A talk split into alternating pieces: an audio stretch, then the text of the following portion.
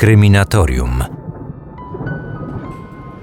Gdy wiosną 2009 roku ciężki sprzęt budowlany podjechał pod jeden z opuszczonych domów w amerykańskim mieście Indianapolis, zebrani na miejscu ludzie zaczęli bić brawo. W mgnieniu oka, zrównany z ziemią, został niemy świadek najokrutniejszej zbrodni w historii stanu Indiana. To właśnie w tym domu, 44 lata wcześniej, brutalnie zamordowana została 16-letnia Sylwia Likens. Jednak zanim dziewczyna zmarła, była bita, głodzona, przypalana papierosami, zrzucana ze schodów czy zmuszana do jedzenia własnych odchodów. Najbardziej szokujący w tej sprawie jest fakt, że większość oprawców była młodsza od swojej ofiary.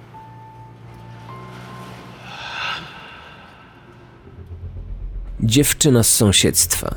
Taki tytuł nosi ten odcinek podcastu. Taki tytuł ma również powieść bazująca na tej historii. Czytałem tę książkę wiele lat temu. Byłem wtedy nastolatkiem i pamiętam dobrze, jak wielkie zrobiła na mnie wtedy wrażenie. Ostatni rozdział, szczególnie te ostatnie kartki. Opis zachowania sprawców był tak straszny, że walczyłem ze sobą, aby dotrwać do końca tej powieści. Nie wierzyłem, że taka historia mogła wydarzyć się naprawdę. Witam słuchaczy. Nazywam się Marcin Myszka i dziś, jak w każdy poniedziałek, przenosimy się w świat przerażających i najgłośniejszych spraw kryminalnych. Przypominam, że podcast jest do znalezienia na wszystkich aplikacjach podcastowych. Ja używam na co dzień darmowej aplikacji Pocket Casts, ale statystyki pokazują, że w Polsce miłośnicy podcastów zazwyczaj wybierają Spotify. Każdy może znaleźć najlepszą aplikację dla siebie i słuchać setek podcastów bez żadnych ograniczeń, płatności i reklam. Kryminatorium. Otwieramy akta tajemnic. Sylwia Likens nie wyróżniała się niczym szczególnym wśród swoich rówieśniczek. Była zawsze uśmiechnięta i nigdy nie sprawiała problemów wychowawczych. Była pełną energii, a jednocześnie świadomą swych obowiązków, młodą osobą. Nastolatkę scharakteryzowała Aleksandra Rzepkowska w swojej pracy Przemilczenia w kulturze, przyczynek do historii Sylwii Likens. Chodziła do szkoły, do kościoła, lubiła jeździć na rolkach, spędzać czas z rówieśnikami, a także słuchać muzyki młodzieżowej, śpiewać i tańczyć. Była życzliwa i pogodna, choć nieco nieśmiała. Do zdjęć pozowała nie pokazując zębów, w uśmiechu, ponieważ brakowało jej jednego z przodu. Straciła go w dzieciństwie w wyniku szarpaniny z bratem. Mimo niepełnoletności próbowała zarabiać na życie, czasami opiekowała się dziećmi, innym razem pracowała. Dużo czasu Sylwia poświęcała swojej o rok młodszej, niepełnosprawnej siostrze Jenny, która chorowała na polio. Jej zaradność spowodowana była trudną sytuacją finansową jej rodziców. Lester i Betty Likens nie mieli stałego zatrudnienia. Dorabiali jako pracownicy objazdowych lunaparków, co wiązało się z częstymi podróżami po kraju i przeprowadzkami. W swoim 16-letnim życiu Sylwia kilkanaście razy zmieniała miejsce zamieszkania.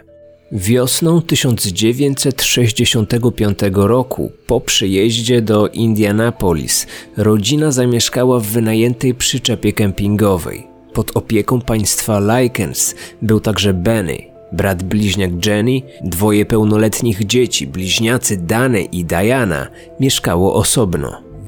Lajkensowie z trudem wiązali koniec z końcem. Ludzi odwiedzających Luna Park było coraz mniej i właściciel postanowił przenieść interes na Florydę. Sytuację pogorszyło aresztowanie Betty Likens za kradzież w sklepie spożywczym. Lester musiał wyjechać sam. Wiedział, że nie da rady pogodzić pracy z wychowaniem dzieci. Postanowił znaleźć dla nich odpowiednią opiekę. Syna Beniego zostawił u swojej matki mieszkającej w Indianapolis. Sylwia i Jenny nie chciały zamieszkać z babcią. Starsza kobieta nie darzyła dziewcząt sympatią, z wzajemnością. Zamiast babci, Sylwia wraz z siostrą wolały przenocować w domu swojej nowej koleżanki.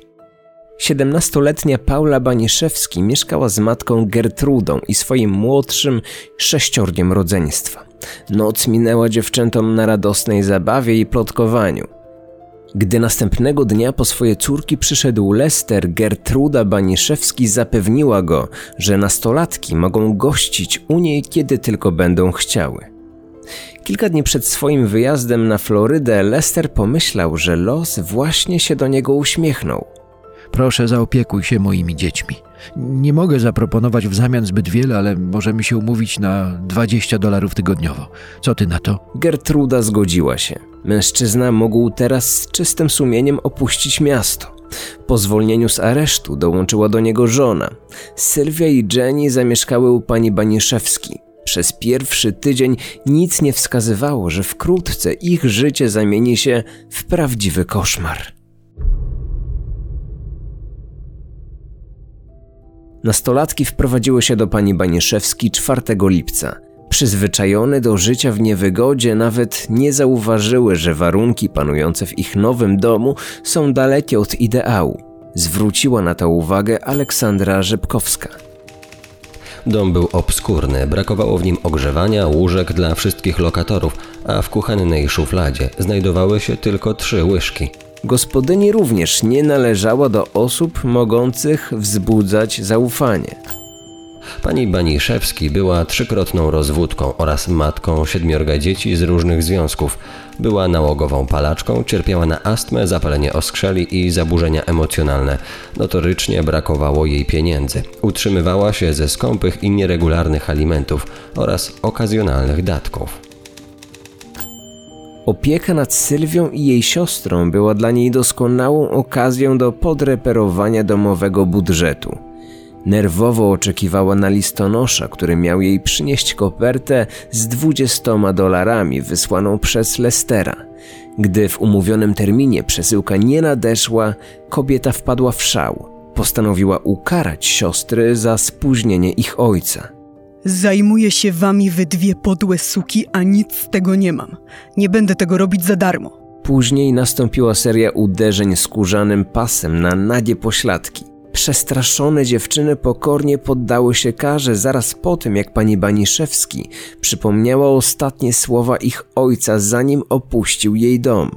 Musisz trzymać te dziewczyny krótko, bo ich matka pozwalała im na wszystko.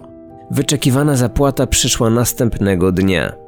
Nikt jednak nie przeprosił nastolatek za zbyt pochopną karę. Nie udało się również zatrzymać wprawionej w ruch spirali nienawiści, agresji i przemocy.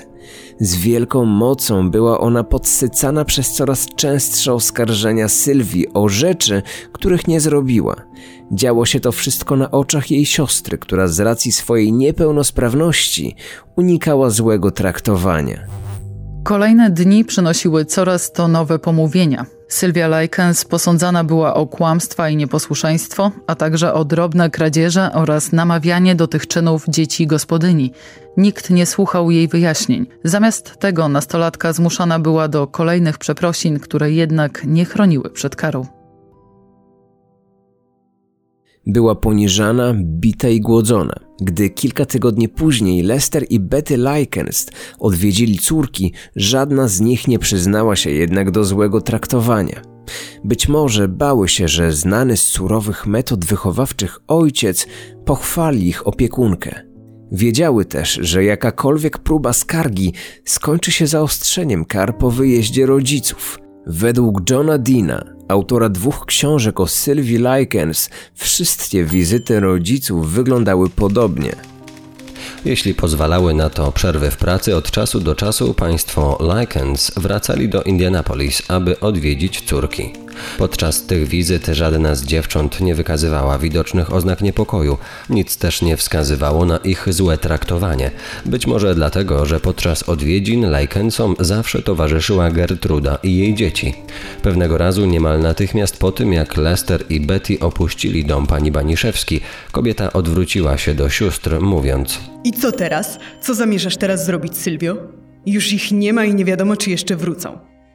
Wraz z pojawieniem się nowych przewinień wzrastał też repertuar wymyślnych tortur. Należały do nich m.in. przypalanie papierosem, zjadanie posiłków z podłogi lub zamykanie na noc w ciasnym schowku na miotły. Pani Baniszewski do udziału w wymierzeniu kar namawiała także swoje dzieci. One nie tylko nie protestowały, ale z coraz większym zadowoleniem przyłączały się do tego makabrycznego rytuału. Z czasem całkowicie zastąpiły swoją matkę w codziennym wymierzaniu domowej sprawiedliwości. Prym wiodła w tym najstarsza córka, 17-letnia Pola. Dzielnie wspierało ją pozostałe rodzeństwo. 15-letnia Stefani, 12-letni John, 11-letnia Marie, 10-letnia Shirley, a nawet 8-letni James. Ich ulubioną karą było bicie Sylwii pięścią po głowie. Do bicia Sylwii zmuszona była również Jenny. Grożono jej, że jeśli nie przyłączy się do pozostałych, podzieli los swojej siostry. Wystraszona dziewczyna dołączyła do oprawców siostry, jednak wszelkie ciosy wymierzała Sylwii swoją słabszą lewą ręką. Obecna na każdej niedzielnej mszy Gertruda Baniszewski zaczęła popadać w coraz większą obsesję związaną z popełnianymi przez Sylwię grzechami – o każdym złym uczynku nastolatki dzieci szybko donosiły swojej matce. Wystarczyło jedno niewinne oskarżenie lub niepoparta dowodami plotka, by sroga kara została wymierzona. Jej rodzaj zależał od popełnionego grzechu. Gdy podczas poczęstunku po mszy Sylwia zjadała zbyt wiele, aby zmazać grzech obżarstwa, zmuszano ją do zjedzenia obfitej kolacji. Bita jadła tak długo, aż zwymiotowała. Następnie dzieci pani Baniszewski zmusiły płaczącą dziewczynę do zjedzenia swoich wymiocin. Później zmuszona została również do zjedzenia własnych odchodów. Podobno rozmawiałaś w szkole z jakimś młodzieńcem. Tylko nie kłam, o wszystkim powiedziała mi Paula. Lepiej się przyznaj. Puszczasz się za pieniądze, ty mała zdziro. Za karę nastolatka została najpierw pobita, a później zmuszona do rozebrania się w obecności wszystkich domowników. Na polecenie pani Baniszewski każde z dzieci podeszło do Sylwii i kopnęło ją w krocze. Tym razem jednak Sylwia po raz pierwszy spróbowała się zemścić. John Dean w książce Dom Zła opisał, jak to się dla niej skończyło. Sylwia Likens zaczęła rozpowiadać w szkole plotkę, że zarówno Paula, jak i Stefanie Baniszewski są prostytutkami. Chłopak Stefanii, 15-letni Coy Hubbard, wpadł w szał i zaatakował Sylwię. Bił ją po głowie i kopał w brzuch. Stefani patrzyła na to i chichotała. Po powrocie do domu dziewczynę ukarała również Paula. Biła Sylwię po głowie z taką siłą, że złamała sobie rękę w nadgarstku. Przez następne tygodnie Paula do bicia wykorzystywała założony na rękę gipsowy opatrunek. Koszmar trwał i nic nie wskazywało na to, że cokolwiek mogłoby go przerwać. Wręcz przeciwnie. W połowie września do oprawców dołączył chłopak Stefani. Najpierw przychodził sam, później zaczął przyprowadzać ze sobą kolegę, o rok młodszego Richarda Hobbsa. Wkrótce chłopcy z sąsiedztwa byli już stałymi gośćmi w domu. Ich gorliwość w torturowaniu Sylwii była jeszcze większa niż pozostałych dzieci. Chłopcy przychodzili po szkole niemal codziennie. Zachęcani przez Gertrudę, nie tylko bili dziewczynę, ale rzucali w nią podpalone zapałki. Czasami wykorzystywali swoją ofiarę jako żywego manekina do brutalnych ćwiczeń ciosów judo. Na swoim ciele Sylwia miała też ponad 100 śladów powstałych wskutek odgaszania papierosów, również w okolicach krocza. Pewnego dnia, aby przerwać serię bolesnych kopniaków w jej brzuch, Sylwia krzyknęła, żeby przestali, bo krzywdzą jej dziecko. Co ty powiedziałaś? Jesteś w ciąży? Wiedziałam, że jesteś prostytutką. Teraz mamy na to świetny dowód. Kara może być tylko jedna. Nastolatka siłą przeprowadzona została do salonu i w obecności wszystkich rozebrana do naga. Następnie zmuszono ją do włożenia w pochwę pustej butelki po Coca-Coli. Podczas nieudanej próby dziewczyna bardzo się poraniła. Jenny zaczęła płakać i protestować, czym rozwścieczyła Gertrudę i było jeszcze gorzej. Kilka dni po tym wydarzeniu Jenny, która nie mogła dotąd wychodzić z domu sama, tym razem została wysłana do sklepu bez towarzystwa. Postanowiła wykorzystać pierwszą nadarzającą się okazję, by poprosić o pomoc. Udała się na pobliską stację benzynową, skąd zadzwoniła do swojej starszej siostry. Płacząc opowiedziała Dajanie o tym, czego doświadcza Sylwia i że jej stan jest bardzo zły. Starsza siostra nie uwierzyła w opowieści o krwawych torturach. Jenny usłyszała w odpowiedzi, że jeśli pani Baniszewski każe Sylwię za cokolwiek, to musi mieć rację, bo pewnie siostra na to zasłużyła. Diana Likens nie zareagowała w żaden sposób. Nie powiadomiła odpowiednich służb, które mogłyby sprawdzić, co dzieje się w tym domu. Nie poinformowała też rodziców przebywających na Florydzie, gdyż żadne z dzieci nie miało z nimi kontaktu. Otwarte pozostaje pytanie, dlaczego Jenny nie próbowała dodzwonić się bezpośrednio na policję. Bierność wykazało więcej osób. Jedną z nich była sąsiadka Gertrudy, pani Duke. Jej córka, dwunastoletnia Judy, była koleżanką Marii Baniszewski. Podczas jej pobytu w domu kilka razy była świadkiem złego traktowania Sylwii. Gdy później opowiedziała o wszystkim matce, kobieta stwierdziła tylko, że to nie jest ich sprawa. Jeśli tak się dzieje, to z pewnością istnieje ku temu ważny powód. Podobną ignorancją wykazał się miejscowy pastor Roy Julian. Miał on w zwyczaju odwiedzać swoich parafian. Gdy przyszedł do pani Baniszewski, zapytał, co się dzieje z Sylwią, ponieważ od pewnego czasu nie widuje jej w kościele. W odpowiedzi usłyszał, że z powodu złego zachowania odesłała dziewczynę do jej krewnych. Taką samą odpowiedź zanotowała pracownica pomocy społecznej, która postanowiła sprawdzić anonimową informację o złym stanie zdrowia nastolatki przebywającej pod opieką Gertrudy. Czy to pani Baniszewski miała dar przekonywania, czy może inni słyszeli tylko to, co chcieli usłyszeć? Prawda leżała gdzieś po środku.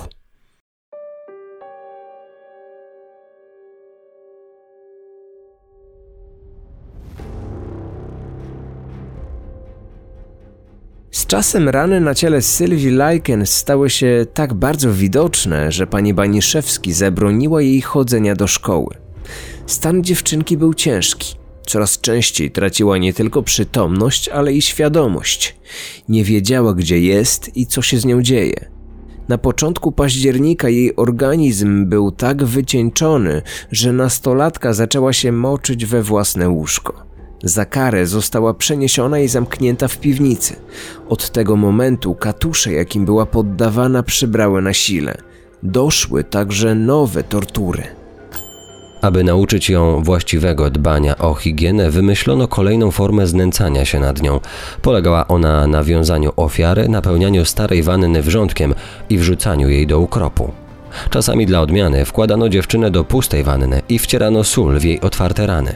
Jednym z ostatnich aktów krwawego terroru grozy był pomysł napiętnowania Sylwii specjalnym tatuażem. Za pomocą rozgrzanej igły na brzuchu półprzytomnej dziewczyny wypalono napis: Jestem prostytutką i jestem z tego dumna. Na jej piersi, rozgrzaną do czerwoności śrubą, próbowano także wypalić literę S.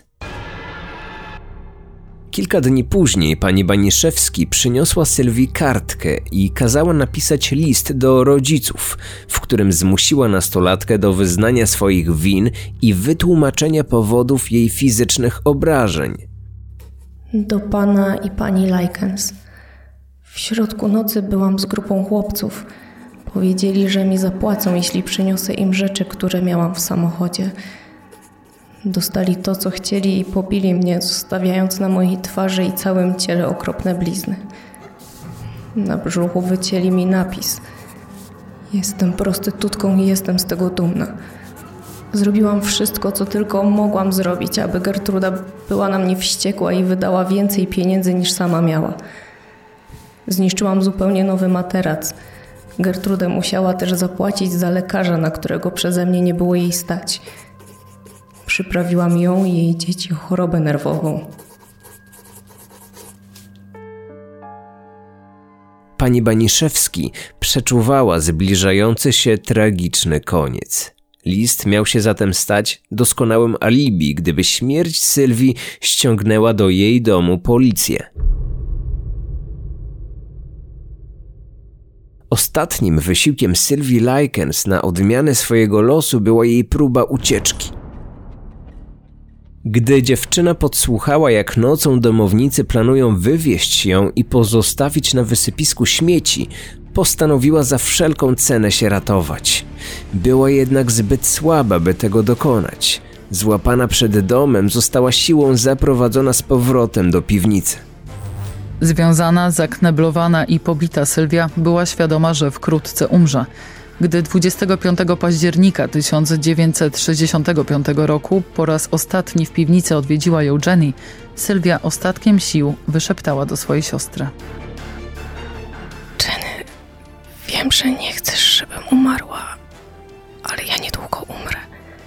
Mogę ci to teraz powiedzieć.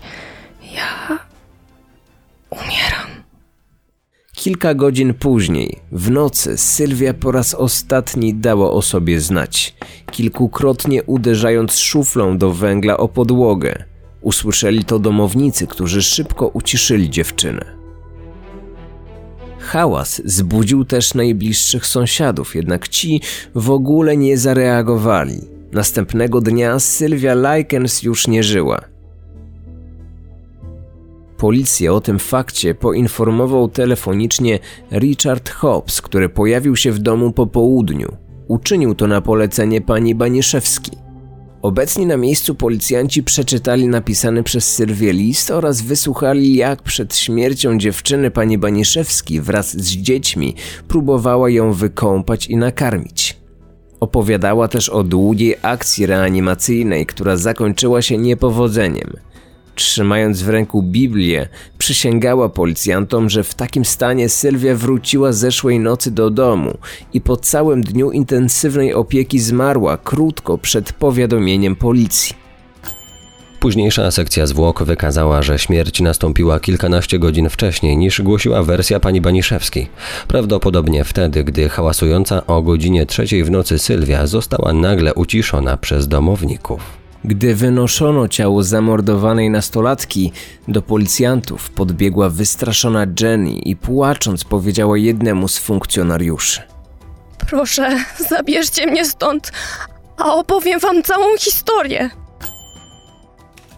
Bezpośrednią przyczyną śmierci Sylwii Likens był obrzęk i wylew krwi do mózgu oraz szok związany z rozległymi ranami na jej ciele.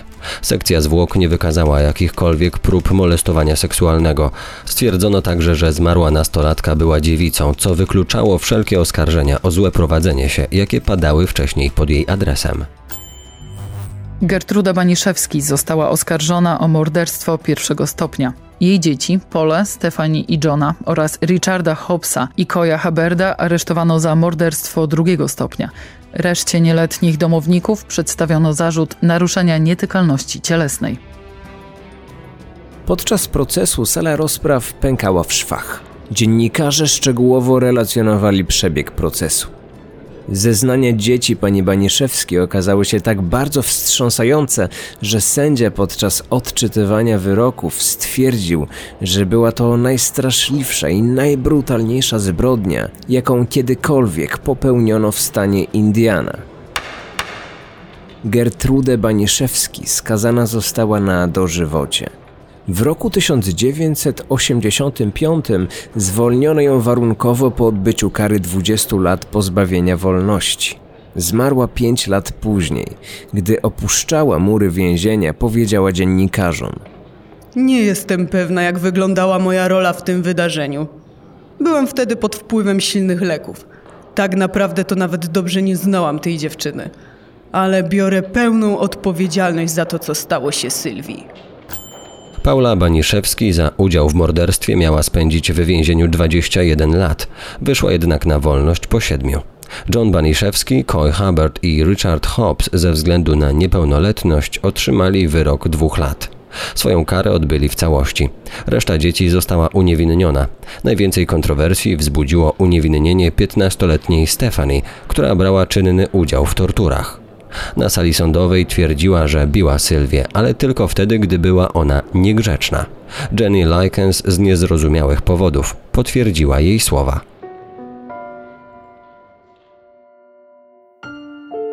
Zbrodnia w Indianapolis stała się szerzej znana pod koniec lat 80. XX wieku, gdy pisarz Jack Ketchum oparł na tej historii swoją powieść. To właśnie o tej książce wspominałem na samym początku odcinka. Po wydaniu dziewczyny z sąsiedztwa najpierw cała Ameryka, potem reszta świata poznały losy Sylwii Likens. Czytelnicy byli wstrząśnięci, mimo że Ketchum jedynie luźno nawiązywał do prawdziwych wydarzeń i zmienił w tej historii co tylko mógł czas akcji, miejsce i imiona bohaterów. On sam nigdy nie ukrywał, że prawdziwy był wyłącznie motyw znęcania się zwyczajnej z pozoru rodziny nad niewinną nastolatką. Krytycy narzekali co prawda na ubogi styl autora oraz nadmierne epatowanie nieuzasadnioną brutalnością, jednak to czytelnicy zdecydowali, że dziewczyna z sąsiedztwa szybko stała się bestsellerem. W roku 2007 na podstawie książki nakręcono film fabularny pod tym samym tytułem, który wiernie zobrazował to, co wymyślił Ketchum. W tym samym roku swoją premierę miał również inny film oparty na wydarzeniach w Indianapolis. Obraz Amerykańska zbrodnia był znacznie wierniejszy prawdziwej historii, choć jego treść została mocno złagodzona. Pominięto też najbrutalniejsze elementy tej opowieści. Widzom nie spodobał się pomysł twórców, polegający na próbie delikatnego wybielenia postaci pani Baniszewski i usprawiedliwiania jej sadyzmu, depresją i złym stanem fizycznym kobiety. Pomimo swoich niedociągnięć, film odniósł sukces i znacząco wpłynął na późniejsze losy dwojga oprawców Sylwii Likens. 57-letni Coy Hubbard, były chłopak Stefanii Baniszewski, biorący czynny udział w torturach, wciąż mieszkał w Indianapolis. Na początku lutego 2007 roku, tuż po premierze amerykańskiej zbrodni, został rozpoznany w swoim miejscu pracy. Najpierw został dotkliwie pobity przez współpracowników, a następnie zwolniony z pracy. Zmarł kilka miesięcy później, prawdopodobnie popełnił samobójstwo. Dość długo anonimowość udawało się utrzymać Pauli Baniszewski, głównej inicjatorce najokrutniejszych tortur. Zmieniła nazwisko na Paula Pace i do roku 2012 pracowała jako nauczycielka w szkole podstawowej w stanie Iowa gdy w lokalnej telewizji wyemitowano najpierw amerykańską zbrodnię, a po niej film dokumentalny o morderstwie Sylwii Likens, miejscowa policja otrzymała anonimową wiadomość o prawdziwej tożsamości nauczycielki.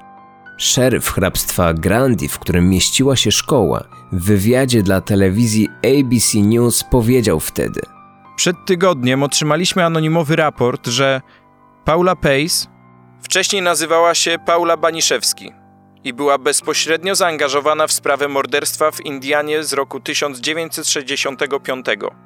Najpierw informacje o jej prawdziwej tożsamości zaczęły krążyć po Facebooku. Później ktoś zadzwonił do nas, mówiąc, żebyśmy sprawdzili jej przeszłość. Sprawdziliśmy i od razu powiadomiliśmy dyrektora szkoły, w której kobieta pracowała. 64-letnia nauczycielka została natychmiast zwolniona z pracy. Państwo Likens nigdy nie otrząsnęli się po tragedii, jaka spotkała ich córkę. Rozwiedli się dwa lata po śmierci Sylwii. Lester Likens zmarł w roku 2013. 14 lat wcześniej odeszła Betty. Wśród jej rzeczy osobistych rodzina odnalazła później wycięty z gazety nekrolog Gertrudy Baniszewski. Na nim znajdowała się odręczna notatka wykonana przez Jenny Likens. W końcu dobre wieści. Przeklęta stara Gertruda zdechła. Ha, ha, ha. Bardzo mnie to cieszy. Kryminatorium. Otwieramy akta tajemnic.